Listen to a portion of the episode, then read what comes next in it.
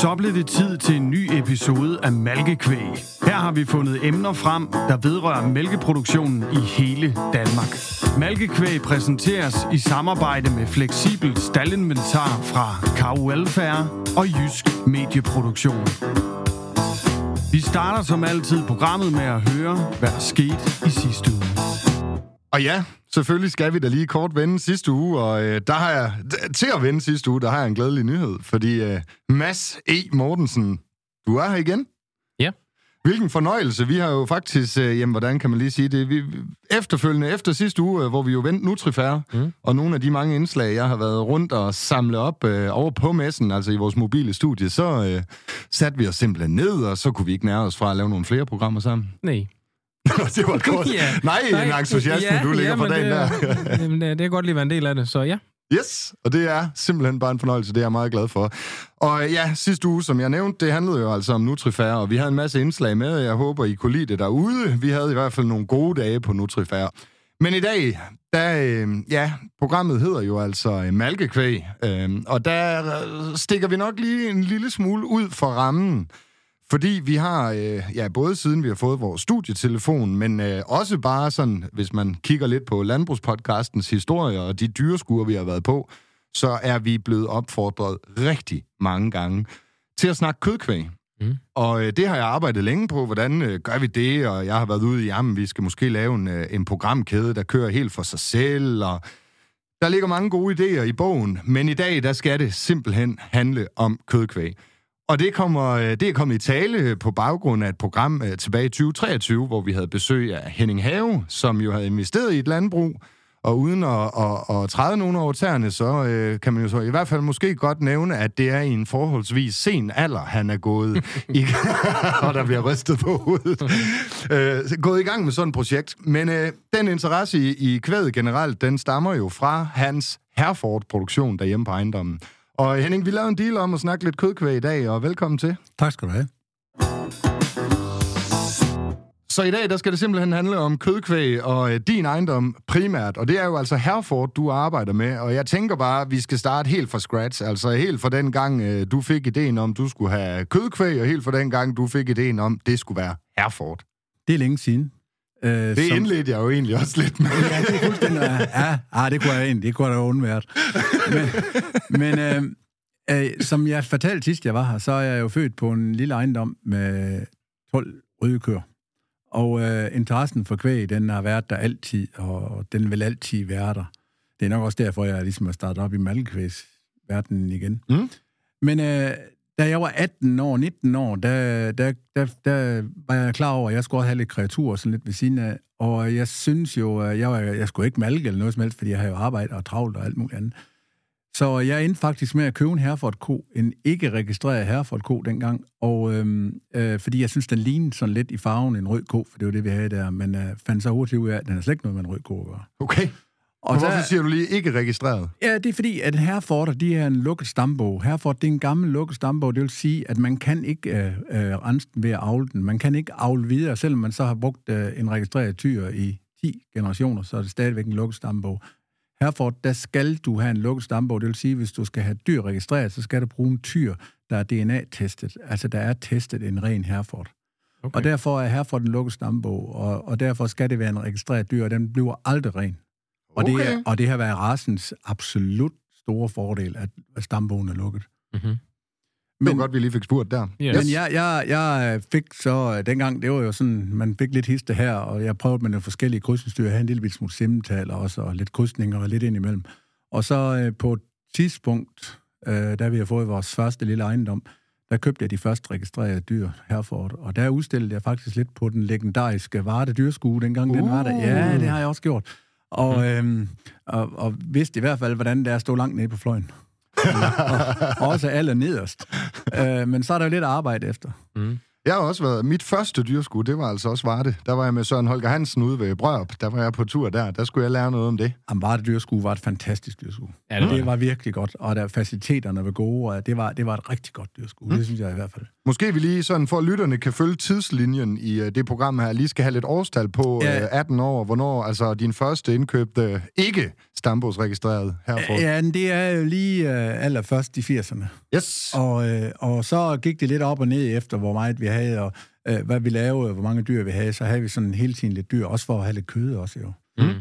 Og øh, øh, den første registrerede dyr køber vi faktisk i 1990, og driver dem så op i 90'erne. Og så der lige først i år 2000, der er det jo så, jeg får den fantastiske idé om, at jeg skal være øh, fuldtidsentreprenør.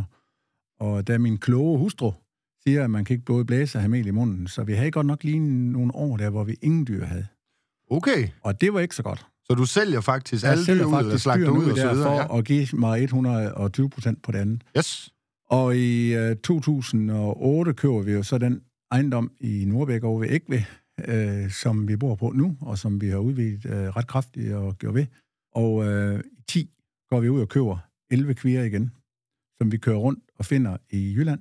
Øh, 11 registrerede kvier. Og så begynder vi ellers bare at avle fra dag i dag på fuld skrald. Og har nu i dag, øh, i år skal vi have 46 kalve. Så, øh, Hold nu op. Ja, og vi ligger der typisk omkring 40 kalve. Hvordan regner man i års køer øh, øh, i kødkvæg? Nej, man regner egentlig tit i, hvor mange kalve man får. Det er kaldene, der afgør Ja, det det sådan er sådan lidt efter, hvor mange moderdyr man har. Hvor mange moderdyr har du? Ja, det kan jeg så det regne ud. Så, jeg, Flot. det kommer an på, hvor mange tvillinger jeg regner Ja, med, det er jeg skal have. Ja, ja. Og det, ved, det ved du vel ikke på forhånd? Nej, det ved jeg ikke på forhånd. Men øh, vi, øh, vi øh, avler så meget kraftigt. Øh, vi importerer selv sæd for det meste af verden, og vi har importeret embryoner for det meste af verden. Vi har i perioder, vi havde et projekt, der hed 2020-projekt, min kone og jeg startede op der, der var vi faktisk helt op på at have 20 øh, recipienter, hvor vi havde fået lagt øh, EI fra forskellige besætninger rundt. Og vi har også haft et køer gående i Canada, jeg har det faktisk stadigvæk. Okay, der er mange ting, vi skal omkring Ja, her. det er jeg der Jeg tror lige, vi er nødt til at spole tilbage. Ja, ja. De her 11 kvier, I er ude at opkøbe. Ja. Hvad, hvad er tilgangen til? Altså, du har en lille smule erfaring fra tidligere i karrieren, men nu skal det ligesom være mere seriøst. Ja.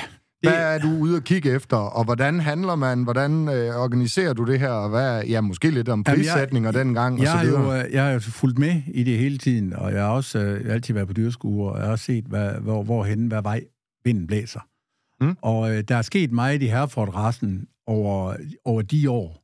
Man er gået meget fra, at førhen, der var det en, et lidt mindre dyr, og måske også tendens til, at den var lidt øh, fed. Mm. Den Mm-hmm. havde lidt taller. Altså, hvad skal man sige, at øh, de var lidt fede, når det var. Og der, der er sket en virkelig udvikling hen over det, at dyr, der er blevet, både blevet mere øh, kødfuld, og det er en bedre kødsætning, de har. Der er sket rigtig meget inden for rassen. Og der er sket rigtig meget de sidste 10 år også. Og det vil vi selvfølgelig være en del af selv også.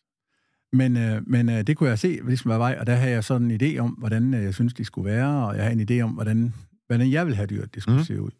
Hereford-rassen er jo en speciel race, fordi at den, øh, den kan være med på hele linjen. Der er jo Hereford i, øh, i Canada, der går i 40-50 graders frost, og der er Hereford, der går i Australien i 40-50 graders varme. Så de kan sådan set klare sig på al- alle parametrene hele vejen rundt. Og hvis man ser en kobberfilm eller indianer, så er det altid en Hereford-ko, der kommer randen der. Ja. Og, og øh, det er jo en af verdens mest udbredte kødkvægsrace. Ved man egentlig noget om, hvor meget der er af den på verdensplan? Øh, jeg er ikke helt klar over det, men det er mange. Det er rigtig, rigtig det er mange. rigtig, rigtig mange, for der, der er rigtig mange i, øh, i Brasilien og, og, og Argentina og Uruguay. Men Henning, dengang du valgte Hereford-rassen, så siger du, at den lignede mest en rød ko. Men vidste du alt det her dengang? Det vidste jeg ikke, nej. Nej, så det var alene, fordi øh, det øh, lige en rød ko. Øh, ja, det var også en anden ting. Det var også en anden ting, fordi Herford, øh, jamen det var bare fordi, at man skal jo ikke altid gå på, på, på tværs. Det er jo en af dem, der, der er mange af. Mm. Og så har det, det er en køn ko, den har et kønt hoved, den har et kønt Mm. hvidt hoved. Og så derover, udover, så har den en helt fantastisk temperament. Ja. Og, og det er jo svært, altså man kan jo godt, uh, temperament, det kan betyde meget, når man, man, man møder en ko, altså så har man det der med, at det dejlige temperament, den er nem at arbejde, men nem at med at gøre. Jeg er stadig nysgerrig på de her 11 dyr, du er ude at opkøbe. Ja. Kunne du øh, fortælle Øh, lidt så, om den øh, tur rundt i landet? Ja, men øh, jeg købte dem øh, for tre besætninger øh, rundt i landet. Og vi købte øh, orange queer, altså så, øh, øh, som vi køber i efteråret. Øh, og det er selvfølgelig sin sag at finde dem allerede der, om de er gode nok, eller de ikke er. Og det, men det var de fleste af dem, det var de. Men jeg kiggede jo efter nogle specielle ting, jeg synes, jeg gerne vil have. Jeg vil gerne have nogen, der har nogle ordentlige rammer. Altså, ja, det er måske lidt en fejl, jeg har for, for den branche, jeg arbejder i, at der skal en ordentlig motor til, øh, hvis man skal trække. Og det handler om, at der er noget rum, noget, der kan optage noget føde og omdanne det. Altså, der skal være noget volumen i den. Der skal kan være, så de kan omsætte noget. Også fordi, at øh, jeg vidste jo godt, på mit jord vil jeg også til at gå på noget marginaljord.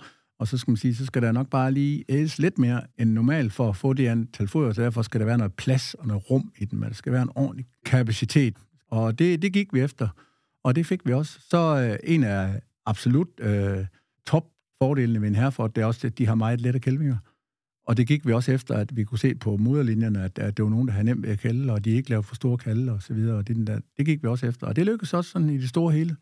Hvordan dengang? Altså, var du bare ude visuelt og bedømme dyrene, ja. eller var det med indekserne Ej, i det øh, visuelt. baghovedet? Det er jo det problem med køkvæg i Danmark, og det gælder alle racerne, at mængderne er ikke store nok til at lave ret mange rigtig stabile tal. Mm. Fordi det handler om data og data og data, men der er bare ikke ret mange tyrene, for eksempel øh, dem, der bliver brugt til insemineringsdyrene, de bliver jo ikke brugt i en kapacitet, der gør, at der er ret mange tal til rådighed. Men var der ikke, var der ikke et S-indeks? Jo, ja, det er der stadigvæk. Og dengang var det faktisk bedre, synes jeg jo personligt, end det var i dag, fordi dengang var vi så heldige, at vi stadigvæk havde Ålestrup til afkomststation, og det er jo et stort tab for køkvæg i Danmark, at der ikke er en, en afkomststation længere i Ålestrup, fordi vi har ikke sådan helt de der målbare tal.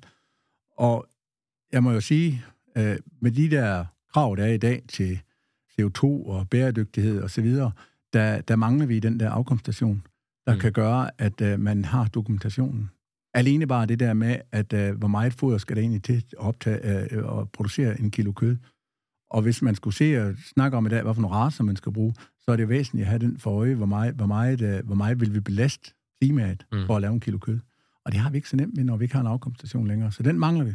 Men det er jo også, når vi har inviteret dig ind i dag, Henning, så kan du, du, jo, du er jo for Herford, og man kunne have inviteret en ind, der havde Chevrolet eller Simmentaler. Han, vil jo nok, have- han eller hun vil jo nok have fortalt samme historie, at hvorfor han eller hun har valgt de her. Og det er jo det, der også er med kødkvæg.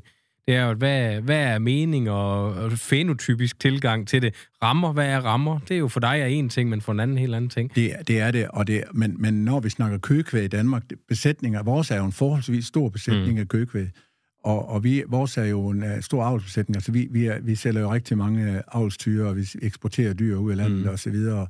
Øh, men de fleste, der har køkvæg, de har dem jo måske sådan lidt på meget hobbyplan. Ja. Mm. Og så er det måske sådan lidt kærlighed til en race, til en farve, til en, en type, Ja. at man måske har oplevet, det kan være den, man har haft som barn, det kan være det, ens forældre havde, eller ens bedstefar har haft den race, eller man synes, den er spændende, eller et Man eller kan andet. komme billigt i gang. Nemlig også det, ja. Og det, det handler jo noget om det, og, Mm. mm. og derfor er det nok så, så meget forskelligt. Jeg tror mange gange, det, det, det er tilfældighedernes spil. Hvad med aktive avlsbesætninger? Fordi det er jo noget af det, jeg... Nu har jeg lidt kødkvæg selv også, og det er jo ikke det, det handler om i dag, men, men, men jeg synes jo, det er noget af det, der mangler også, at, at apropos det data, du snakker om.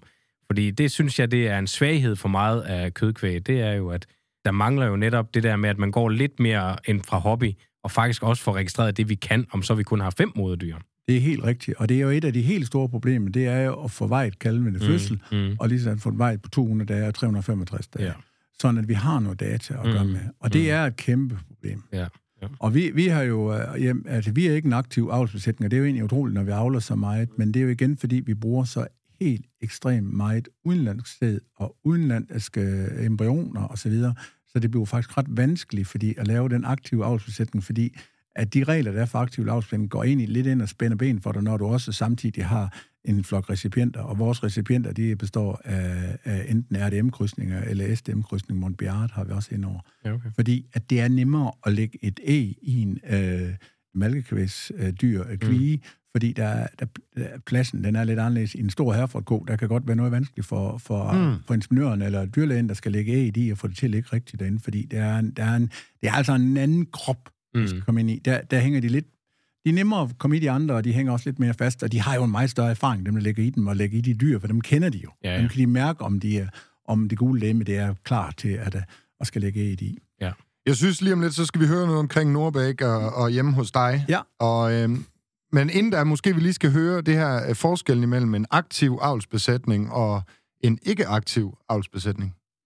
For at være aktiv avlsbesætning, så, så er der nogle ting, du skal, du skal leve op til. Du skal kan veje din kalde, øh, både til 200 dage og øh, fødsel selvfølgelig, og 200 dage og 365 dage. Du skal bruge en vis antal insemineringer, du skal bruge nogle tyre, der er, hvad hedder det, øh, godkendt, øh, og, og S-indekset på dyrene skal være over en vis punkt. Så der er lige nogle krav, der skal være, for man kan kalde sig en aktiv avlsbesætning. Og det er, det er simpelthen noget, man trækker ud inden for sikkesag, og så derudfra, så vælger sikkert at sende til dig, at du er aktiv avlsbesætning. Skal der også sendes de der DNA-øremærker ind på alle kaldene? Øh, nej, det skal der Nej. ikke. Det skal Okay. der ikke. Okay. Men alle tyre, du bruger, skal være DNA-testet. Yes. Nu synes jeg, det er blevet tid til at høre om din ejendom, og øh, grunden til, at jeg meget gerne vil høre noget om det, Henning, det er, fordi hvis man går ind og, og, og, og ser et billede ind på, øh, hvad hedder det, Maps eller et eller andet på, på sin telefon, så står der sådan fire bygninger, der ligner hinanden. Øh, ja, det er vel identiske nærmest, i hvert fald fra facaden, hvis du ser det udefra og ned. De står sådan lige over for hinanden og lige ved siden af hinanden. Det er fuldstændig. Og øh, da vi snakkede om det for nyligt, så øh, fortalte du mig, jamen det her, det er jo alt sammen til min Herford-produktion. Så lad os høre om opbygningen af Nordbæk Herford. Jamen, det er fuldstændig rigtigt. Mig og min kone, vi var faktisk helt enige om, at vi skulle kun have 11, 10-11 køer. Og sådan var Det sker Så- ikke i Hennings tilfælde Så vi lavede jo en, øh, vi var en ældre stald, som vi byggede om og lavede lidt, så der var plads til 11, 10-11 køer og lidt opdræt. Og øh, det går, som det går i mig, alt det andet, jeg har rodet med i din stand, at det tager overhånd, og så måtte vi jo starte med at bygge en lille ungdyrstald, og så skulle vi da også have en lille maskinhus, der blev lavet om til en foderlade, og så også byggede vi så lidt senere en kostald, og så byggede vi en halmlade også, så de ligger identiske bygninger, for at er lidt, sådan, der er lidt styr på det. Det ser i hvert fald godt ud, når man ja, ser det ovenfra vi, ned. vi er der. også meget tilfredse med det, og det er faktisk så heldige, at vi, der er rigtig mange folk, der kommer og kigger. Vi sælger jo mange avlstyr, og det er dejligt, når folk kommer og kigger, og det også kommer udlændinge og så videre, og at folk er altid velkommen til at komme til Nordbæk Herford. Og fordi det hedder Nordbæk, det er fordi, at øh, Øh, det er en del af Ægve Kommune, den vestlige del, og det ligger nord for bækken, og det er en bæk, der skiller dernede, og den hedder Nordbæk, og det er egentlig starten på Vejle Ådal. Den ender med at blive til Vejle Ådal, og rende ind, eller Vejle Å og rende ind i Vejle Vanvittig naturskønt sted. Utrolig kuperet. Vi har over 40 meters højdeforskel fra det højeste til det laveste. Og, og det er et godt terræn at have køkvæg i. Det har kun en ulempe. Det er meget sandet, så vi skal have lidt vand til om sommeren. Men ellers, det er jo rigtig godt til køkvæg, og det er ikke noget, vi kunne dyrke alligevel de fleste af de skråninger og skrænter, vi har. Det er meget skrænter. Det betyder så også, at vores dyr, når de går rundt ude i det, de får en rigtig godt øh, muskulatur for benene, for de er vant til at, at rende op og ned af de skråninger, og de skal hjem og drikke hver dag, så, øh, så de kommer hjem hele tiden. Så, øh, så de, vi har en rigtig god øh, bensætning. Vi har aldrig problemer med ben i vores dyr, fordi de går meget op og ned ad bakkerne. Og vi, øh, her, her får der jo en race, der kan sagtens være ude om vinteren. På vores sandjord kunne de for den sags skyld sagtens gå ude, og de kunne så bare have en halvtag, de gik ind under. Ja, de skal have noget, øh, noget ja, de skal, have, læskur. de skal have et læskur. Ja. Ja. Det er jo en af de fem racer, der må være ude om vinteren også. Okay. Men vi er, vi er jo uh, travlt med alt muligt andet, og, uh, så, og vi vil gerne se vores dyr, og, så derfor har vi uh, uh, dyrene inden om vinteren. Og det har vi ene og alene det, på grund af, at vi, uh, vi vil gerne kigge dem og se på dem, og vi kan godt lide at gå ud og fodre dem. Det lyder lidt åndssvagt, vi kunne bare fodre dem med øhæk, men vi, vi har det rigtig godt med at dem gående inden. Vi Er det sådan afstressende, eller hvad er det, meget, du mener der? Ja? Meget, meget, meget afstressende. Og så føler man også, at man har et landbrug på den måde. Altså, man, man, øh, man har med det at gøre, og man får dyrene i hænderne. Og vi udstiller jo meget, så vi starter jo med allerede som små kalde. Vi får alle kaldene i december, januar, så vi er sådan lige ved at være, være færdige med at få kalde nu her. Og det betyder så også, at vi kan, de bliver tyrkalde, så vi kan få dem løven alle sammen, inden de kommer ud. Og vi bruger jo næsten inseminering til ja, 90-95 procent af det hele. Har du selv en tyr? Ja, vi har, tyr, vi har en tyr til at rende efter Yes. øh, til lige at rende efter dem, og så øh, er der en sølvegård, der har en dyr jo. og så, øh, men altså, vi inseminerer næsten det hele, og vi sørger for, at de er insemineret, og de er også, øh, inden de kommer ud, vi starter med at inseminere her om tre uger, der, sådan at vi begynder at få kalde det lige 1. december. Og øh, det er jo en fantastisk tid, jeg elsker den tid, hvor vi inseminerer. Nu er jeg jo så vanvittigt privilegeret. Jeg har en kone, der går rigt, lige så meget op i herforderen, som jeg gør, måske endda mere. Det er hende, der står for alt vedrørende udstilling og klargør duen til udstilling. Selvfølgelig hjælper jeg om med det, men, men det er hende, der står for hele setup'et med at gøre dem klar og træne dem op. Og, og det er vi jo startet på allerede nu. Vi binder jo dyr op nu her hver aften af dem, der skal udstilles til sommer for at lære dem at gå i grime og så videre. Så det er jo et stort projekt. Inden vi lige hører om det dyreskud der, nu siger du, du sælger en del til, øh, til levebrug. Jo. Ja. Hvad, hvad så med resten? Jamen, Den må jo skulle slagtes lidt Ja, der, der bliver slagtet, og vi slagter altså på slagteriet. Det er sådan helt ked af at stå og sige det her, men vi, vi spiser faktisk næsten ingen her for et kød. Nej. Men det er fordi, vi har så mange kronedyr ude så vi Nå. spiser så mange kronedyr. ja. øh, men, øh, men ellers sælger vi øh, ganske almindeligt til slagteriet. Men vi sælger, øh, sidste år solgte vi 14 til avl. Okay. 14 tyre, og, og så tror jeg, vi solgte en 5-6 kvier. Okay. Øh, altså kældekvier. Er det, er det den- den høje ende eller lave ende i forhold til sådan kollegaerne? Ah, det er den gode ende. Det er den gode ende. Og det er Danish Crown, der... Øh, nej, Nej. det er Himmeland. Okay, ja. Men de har vel også et koncept, der hedder noget med friland? Eller? Ja, det har vi, men det er vi ikke med i. Nå, okay. Det er vi ikke. Så det er bare på Ganske helt almindelige almindeligvis, vilkår. og det er ja. også øh, fint. Det Yes. går rigtig godt, og vi får en god afregning. Ja, hvad, okay. må, måske vi lige helt kort skal vende det, sådan her for dig der. Hvad, hvad afregner den? Altså, hvad er det for nogle uh, tal, der kommer på, på det stykke papir, der ja, følger men, med i en men, slagtning? men førhen, der, der havde Herford jo svært ved at komme meget mere over en 7 eller 8, men i dag har vi jo ingen problem med at sætte en Herford, tyr, eller en Herford kald i 10 eller 11. Sådan. Så der, der er ikke noget problem med det. Det handler jo i- mm, langt hen ad vejen om fodring, jo. Ja. At vi kommer derhen. Så, det, så, så vi kan sagtens lave en Herford. Altså Herford er jo en fantastisk race, fordi du kan begge dele. Den kan være ekstensiv, gå ud på noget naturafgræsning, og så vokser den selvfølgelig ikke så meget, fordi at det er så enkelt. Det, du putter ind, det, der, der skal noget ind, for at der kommer noget ud. Yes. Men fodrer du den hårdt og intensivt, øh, så kan du sagtens lave en- en kald på, på 13, altså 12 måneder, der vejer øh, 650-700 kilo, og den, den øh, klassificerer i 11. Det er slet ingen problem. Sådan. Det kan man nemt.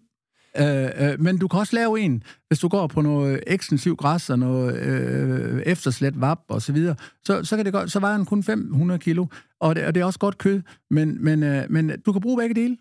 Jeg er ikke helt øh, færdig med nysgerrigheden i forhold til den udvikling, du har ude på Nørrebæk Herford. Altså, hvor, hvor mange dyr var det, du nævnte, du øh, starter med derude? Altså, vi starter med 11 kvier. Ja, og så har du lige fortalt os tidligere i programmet, at det var en, omkring 40-45 øh, kalde, der skulle komme ja, nu her. det er det, ja. Det er alligevel noget af en øh, ja, det, udvikling. det, det er en lang spring. Hvordan er du nået dertil? Ja, ved at købe nogle dyr og, øh, og lave embryoner og så videre. Så, altså, vi har ikke købt øh, avlsdyr, ud over dem, vi købte dengang.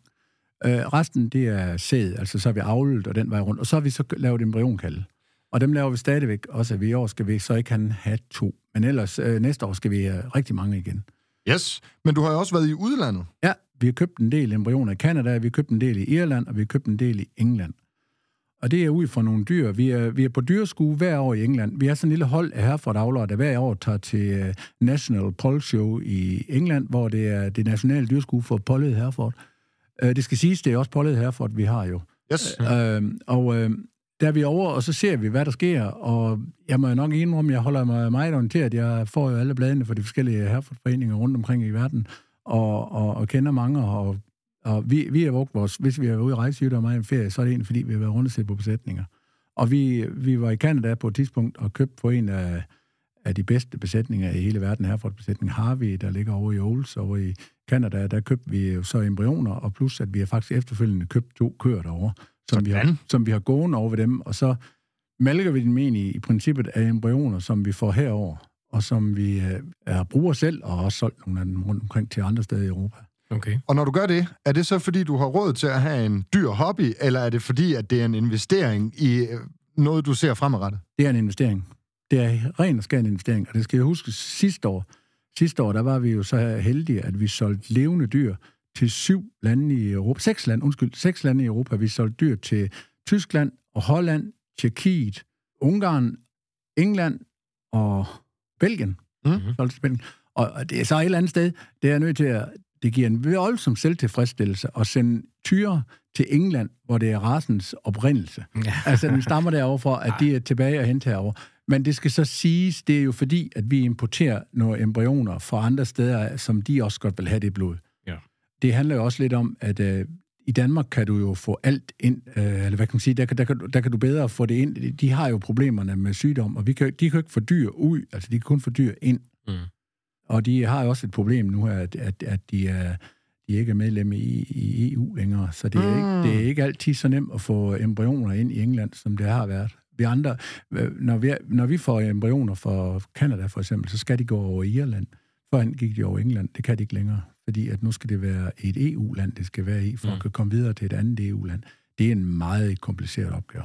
Men det er vel også en af, altså måderne at få noget økonomi i sådan en produktion, er vel også, at du sælger levedyr. Altså Ja, det skal ja, være en vis absolut. avlsmæssig værdi, det er med på. Man kan jo ikke bare gå ud og sælge dyr til avl, øh, fordi så er der bedre værdi end at slagte den på. Men hvordan er det øh, i Hereford? Altså, er, er der gode penge i at sælge? Nu hørte jeg Murray Gray for eksempel, som er en ny race. Og der er nogle, nogle, nogle danskere, der ligesom prøver at være lidt pionerer på det. Og de sælger jo kvier til 25.000. Jamen, Earl Grey lige i øjeblikket, der er det vist vigtigt, hvis bare de har en temperatur, og så øh, fire ben, så kan du sælge det hele. Så er det Ja, ja. Jo, jo. Ja, Ja, og men- der er noget nyhedseffekt Det i er det, der, jo. og det var der jo også i skotterne mm. i sin tid, og det har der jo egentlig været i alle racerne. Mm. Øh, det, har der jo, egentlig- det, er, det er jo længe siden, det har været det Herford, mm. men det har det været det Herford, ja. da de kom første gang. Ja. Og det var specielt, da de pollede Herford, de kom, der var det jo ingen, der ville have dem, fordi at den Herford, den her horn, færdig mm. arbejde, og pollet var jo en defekt, og det er det jo også jo. Jo, jo. Men, men, øh, men de mente Fremafledet defekt. Ja, Ja. de mente jo heller ikke, der var, der var kød på dem og alt muligt andet, men det har de bevist efterfølgende, det var der. Det er der. Ja. Så der er ikke noget problem. Men, men, men, men det er der ingen tvivl om, at vi, vi tager flere penge, fordi vi er nødt til at betale de omkostninger. Ja, ja. Og det er i forhold til det, du siger, Anders, øhm, dyr hobby, øh, øh, det, er jo- det er selvfølgelig en langsigtet investering. Og det er der ingen tvivl om, at jeg tror, at alle kødkvæsavlere i dette kongerige, lige meget om de har Earl Grey, eller de har Hereford, eller Limousine, eller Simmental, eller, eller hvad de nu har, jeg tror, alle egentlig i bund og grund er rigtig glade, hvis de bare kan få det til at rende rundt. Ja, ja. Fordi det er svært. Mm. Og det er også svært, fordi der er også mange omkostninger, fordi du skal stadigvæk betale øh, bidrag per ammeko, og du skal betale dit og datten. Der er mange ting, der kommer ned over, der er mange omkostninger ved det. Ja. En ting, det er forretningen, og, og det her, og også at have, hvad kan man sige, råd til at have, have en, øh, et hobbylandbrug i morgen.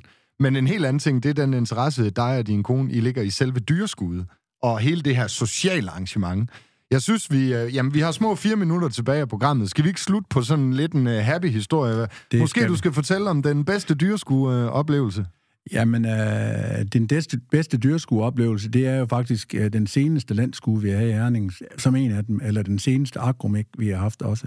Mm. Mm. Vi kan starte med agromik sidste gang, så øh, vandt vi jo øh, øh, bedste herre for dyr, og vi fik også reserve Grand Champion med tyren også, og vi blev også bedste besætning. Og efterfølgende, så er der jo interbreed på tværs af alle racerne, og det er jo, der var faktisk 70 limousiner der, så der var rigtig, og der var rigtig mange gode limousiner. Mm. Og der går vi så ind og vinder den bedste besætning på tværs af alle racerne, og vi går også ind og vinder med den bedste tyr på tværs af alle racer. Sådan. Og, og det, er, det er så stort, så det er næsten ikke til at fatte, at det kan lade sig gøre. Og jeg, du har ret i, det er jo vores ferie, og det er vores absolut, det er landskuet og dyrskuet i Horsens, det er, står som noget helt klippefast for os, der skal vi være, og det er, det er bare rigtig, rigtig godt. Så hvis nu vi inviterer en anden herre for et avler ind i næste uge, siger, hvad så, tager du på dyrsku? Nej, fordi Henning han kommer, siger de så. Ah, det, det, det tror jeg ikke. Men jeg kan da så sige, at næste efter så var vi jo i Herning i år, og der gik vi så også hen og fik Supreme Champion med en ko. Okay. Uh, det blev den bedste, det er som princippet det bedste her for med en ko og kald, og vi fik også den bedste kvige, og uh, vi blev også den bedste udstiller. Så, så uh, vi, vi, vi skal ikke klage, vi, det går godt. Men jeg er så igen det der, jeg er så privilegeret, jeg har en kone, der er hammer, hammer dygtig, også til at, at, ud, at vise dem, altså show dem, og hun er også... Uh, hun har været på kursus i Skotland for at lære at klippe en ko, og så videre okay. for at gøre dem klar, og hun er rigtig, rigtig god til at gøre dyr klar, og, og få det vasket og få den klippet, og starter i lang tid for en måned før, to mm. måneder før, begynder hun at klippe hovederne ned og gøre dem klar, og alt den tur der. Det kan hun. Vi har jo fantastisk samarbejde. Jeg sørger for avlen, og jeg sørger for, hvor meget de skal have foder, og hvordan vi gør det klar med at fodre dyrene op, og hun står for selve præsentationen og står for træningen. Jeg hjælper også med at træne og alt det der, men, men det er, der er jeg under kommando. Der er det yes. hele, der står for det, og det gør hun hammer godt. Og så har hun nogle gode unge mennesker til at komme og hjælpe øh, med at lære det, og også med at fremvise dem. Så vi har et helt team, når vi er på dyrskue. For i år, der er vi jo landskue, der er vi faktisk 10 dyr med. Og hvor mange konkurrenter har I sådan typisk til et dyrsku? Altså, Ja, hvad, her får nogle af dem, der udstiller meget? Ja, eller? det gør de. Ja. Ja. Landskue, der, jeg tror i år var vi 55. Okay. Okay. Så, det, så det er en pæn, det er en pæn Ja. En ting er i hvert fald helt sikkert, øh, fredagsfesten, der har du haft en dyr aften, så kan jeg regne ud. Det har jeg. Ja. Og, og det er en af... Jeg tror, at der skal falde en atombombe, hvis, hvis ikke vi er der om fredagfesten. Det, er, mm. det står som for os noget kæmpestort. Ja. Ja, men der er den her uskrevne regel med, at hvis man gør det rigtig godt øh, i mm. ringen, så øh, har man en endnu dyr aften Nej, øh, jeg, rundt tror, om jeg tror, det er mest med malkekvægerne. Nå, er det kun Ja, mælkekvæg, ja. der er sådan? Altså, jeg vil bare lige sige, at jeg har givet ret mange omgange, fordi jeg havde Grand Champion et år for Jersey, så, ja. så Ja. det er ja. ikke Grand... Nej, jeg havde den efter, hvad nu den hedder, Henning. Det er helt væk nu. Men det er, Reserve Grand Ja, Champion, champion, ja. Runner-up. Men, Ja, ja. men uh, Herford har jo, at hver torsdag aften, når vi er færdige med bedømmelsen, der samles vi øh, enten ude mellem kampvognene eller i stallen, ligesom hvordan vejret er. Og der kan vi godt være op til en 80-90 mennesker, hvor vi har telt øh, bordene sat sammen og spisen. Og der er det sådan, at ham, der er vinderen, han betaler vinen. Han giver vinen. Og nu har jeg udstillet malkekvæg mange gange, og man er altid dødsjaloux på de kødkvægsfolk, fordi vi render jo og stresser i alle Ja, de der. det er Vi skal jo rigtigt, er fandme og tørre røv hele tiden, Ja. og malker, og de skal Ja. jo passes og plejes, ikke? Og sådan, det skal kødkvæg selvfølgelig også. Men Men de der malketider der, de er jo så afgørende. Vi er jo over på alle mulige tidspunkter. Ja, men altså, det, det, det er sådan, at når vi er færdige til festen om mm. fredagen, så går vi altid ned til malkekørsfolkene og står og kigger lidt på, hvordan Imens de malker. Fedt. Og det var altså også det hele for denne uges udgave af Malkekvæg. Men øh, holdet her, altså både dig, Mads, og dig, Henning, vi bliver stående, vi bliver hængende her i studiet. Vi vil nemlig tage os af at lave endnu et program omhandlende kødkvæg, som ligger klar til jer derude i næste uge. Den her gang, der dykker vi så lige lidt dybere i kødkvæget og krydsningsavlen over til malkekvægsproduktionen. Og der tænker jeg, at du har nogle helt specifikke holdninger, også Mads. Jeg glæder mig i hvert fald til at høre, at uh, Henning han har en mening på, og jeg har jo aldrig brugt herfor til at krydse malkekvæg. Det glæder jeg mig rigtig meget til at høre om. Og det gør jeg i den grad også. Og jeg glæder mig til at fortælle jer om det. I bliver så glade. Så har vi jo altså grundlaget, Oh. så har vi altså grundlaget for et rigtig godt program. Grundlaget, det ligger der, og derfor bliver det her også det sidste ord. Husk at hoppe ind på kanalen og følge os på Spotify, og husk, vi har et telefonnummer her til studiet, så hvis I har nogle spørgsmål, så skal I altså bare skrive til 30 20 04 03, og I skal skrive MK mellemrum, og så det, I godt kunne tænke jer at sende i vores retning. Det var alt for programmet Malkekvæg, og tak for besøget fra jer to. Selv tak. Selv tak, Anders.